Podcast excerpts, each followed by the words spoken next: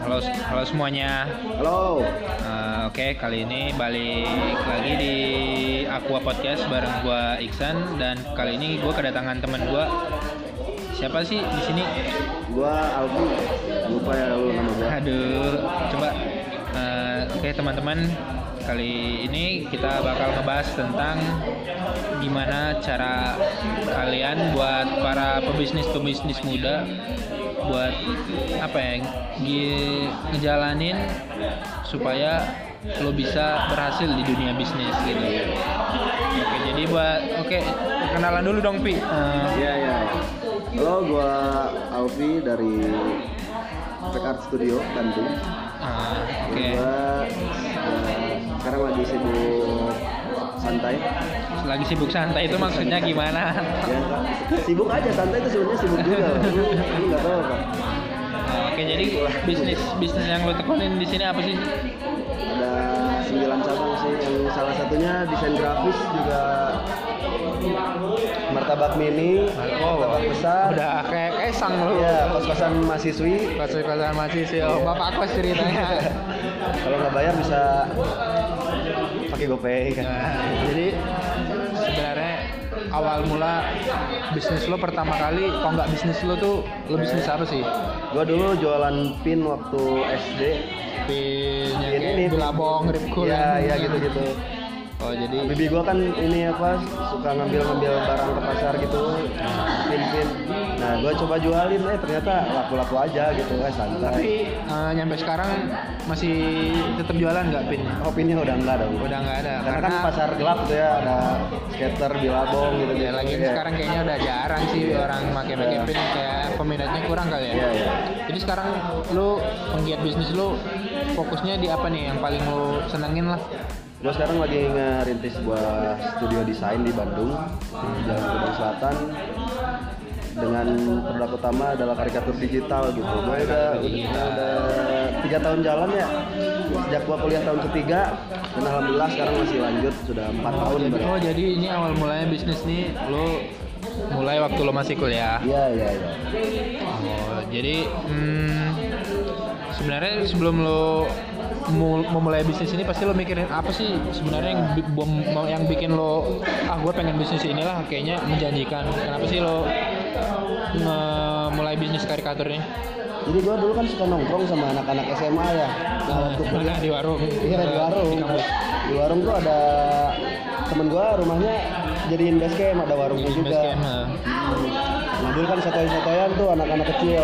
Ya, ada yang terus? bisa desain, ada yang bisa gambar, sama ada yang bisa marketing lah, link-link ke orang gitu. Iya, hmm. Ya dulu waktu udah kuliah tahun pertama, eh, balik lagi kan anak-anak suka tetap tongkrongan SMA dengan sotoy-sotoynya, ayo ah, bisnis, bisnis, bisnis, karena lihat-lihat teman gue yang ada bisa gambar dan teman gue yang satu lagi bisa ngejual. Ya udah kita cobain aja rintis sebuah bisnis gitu. Oh jadi awalnya emang Iseng-iseng karena aja iseng sih. aja. Iya. Tapi sebenarnya lu senang nggak sih di dunia desain tuh? Wah, gue sama sekali nggak pernah pegang tuh yang namanya mouse pen buat ngedesain. Jadi lu sebenarnya di dunia bisnis itu lu Gua cuma sebagai apanya sebagai sebagai apa di desain itu? Gua eh, kalau sekarang sih sebagai internet marketing ya, digital Oh marketer. jadi lu Iya. memasarkan. Betul. Tapi kalau yang gambar-gambar itu bukan lo. bukan sama sekali bukan gua dan gua nggak mau banget gitu kayak gitu gua nggak bisa gambar lah gua cuma bisa eh, konekin orang-orang dan marketing secara digital gitu Jadi lu sama sekali nggak bisa gambar, cuman bisa Iya. marketingin doang. Oh.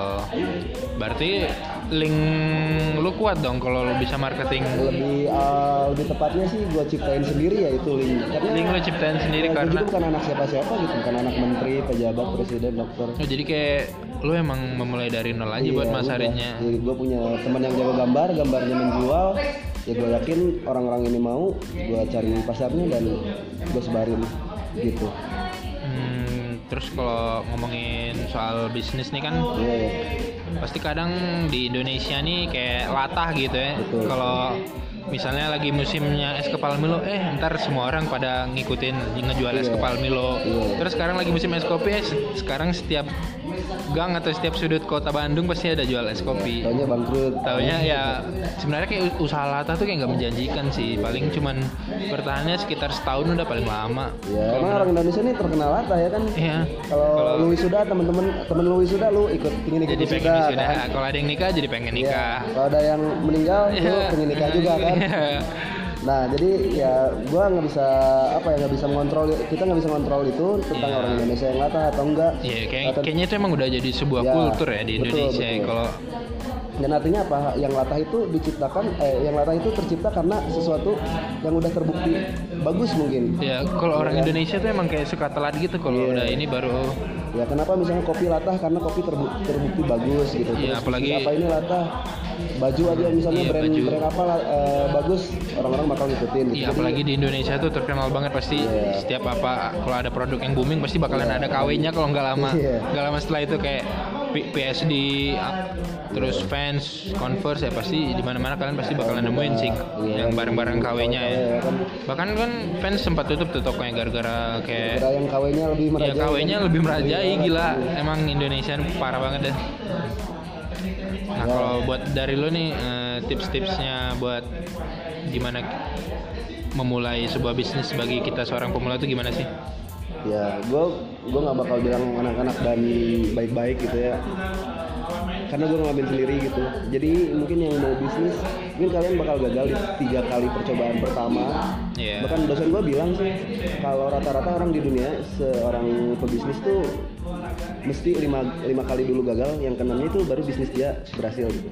Rata-rata seperti ya itu. pasti kita bakalan gagal dulu dalam Iya. hidup Kenapa? Ya mungkin yang pertama eh, ya ikut-ikutan doang tapi dia nggak punya basic yang bagus atau knowledge yang bagus. Atau nggak ikut-ikutan teman doang, lu diajakin temen ayo ayo ayo. Ya kayak gua awalnya kayak gitu ya. Terus eh, nggak nggak hitung-hitungan, kadang-kadang nggak bisa misah ini ini untuk duit apa. Oh, ini- dari segi finansial Ya, kita nggak bi- kan bisa memanage Betul. Terus yang terakhir yang paling utama adalah lu nggak tahan banting mungkin. Nah, ya soalnya ya namanya memulai bisnis kan pasti nggak langsung berhasil Iya. pasti bakal ada gagalnya dulu Betul. Nah di tahap gagal-gagalnya itu yang kedua, yang ketiga, eh, yang pertama mungkin masih tahan, yang kedua masih tahan, yang ketiga ya udah ah nyerah, gua kerja Ya, aja. gitu. iya. Meskipun kerja kan nggak nggak ini ya kayak pepatah. Thailand mengatakan kita emang dipertemukan dengan orang yang salah dulu Betul. baru kita dipertemukan dengan orang yang benar biar kita tahu artinya bersyukur Anjay. gitu Yoi. dan terus kalau di dunia bisnis ini kan pasti bakalan banyak sih pesaingnya misalnya Iya, lu iya. jualan baju aja pasti kira-kira kalau dipikir pikir kan kayak udah berapa orang sih yang buka cabang atau outlet yang jualan baju juga pasti kan bakalan banyak kompetitornya Iya, jadi iya, gimana gimana cara lu buat bersaing dengan kompetitor-kompetitor kayak Oke. di bisnis Iya. apa sih karikatur Iya, iya. digital ya Menurut gua sih kalau kompetisi arahnya eh apa ya pasti di mana-mana pasti ada ya. Iya, kompetisi itu di, kehidupan ya, pasti bakal ada. Mulai enggak ada mulai kita hidup di dunia ini Iya. aja kita, Kita sesama adalah- sperma lain kita iya. adalah sperma terkuat cuy yang satu dari sejuta. ada satu loh. dari sejuta loh. Kita udah sebelum kita lahir aja kita udah berkompetisi, udah bersaing tau nggak di da- di dalam rahim cewek. Tuh, Yang jadi ketemu waktu di kolam renang. barangkali ada Nah, jadi tentang eh, persaingan ini ya pastilah di mana-mana ada persaingan dan yang bakal menang tuh ya banyak faktornya nggak nggak cuman keberuntungan doang di balik Iya. itu gitu. Yang kalau yang kayak tadi gua udah bilangin mungkin dan yang paling penting adalah gimana caranya lu punya eh, apa ya chance untuk menang lebih tinggi adalah have a goal. Ya Set kita, goal. ya kita, Iya kan? kita harus tahu sih tujuan kita tuh Betul. pengen apa selain mencari cuan ya. Betul lah. Meskipun outputnya bakal terakhirnya bakal cuan, lu kan bisnis pingin untung ya, bukan Ya di cuma mana-mana bikin orang gitu. di mana-mana semua orang bisnis tuh tujuannya Iya. biar pengen untung. Nah, Iya. iya, iya.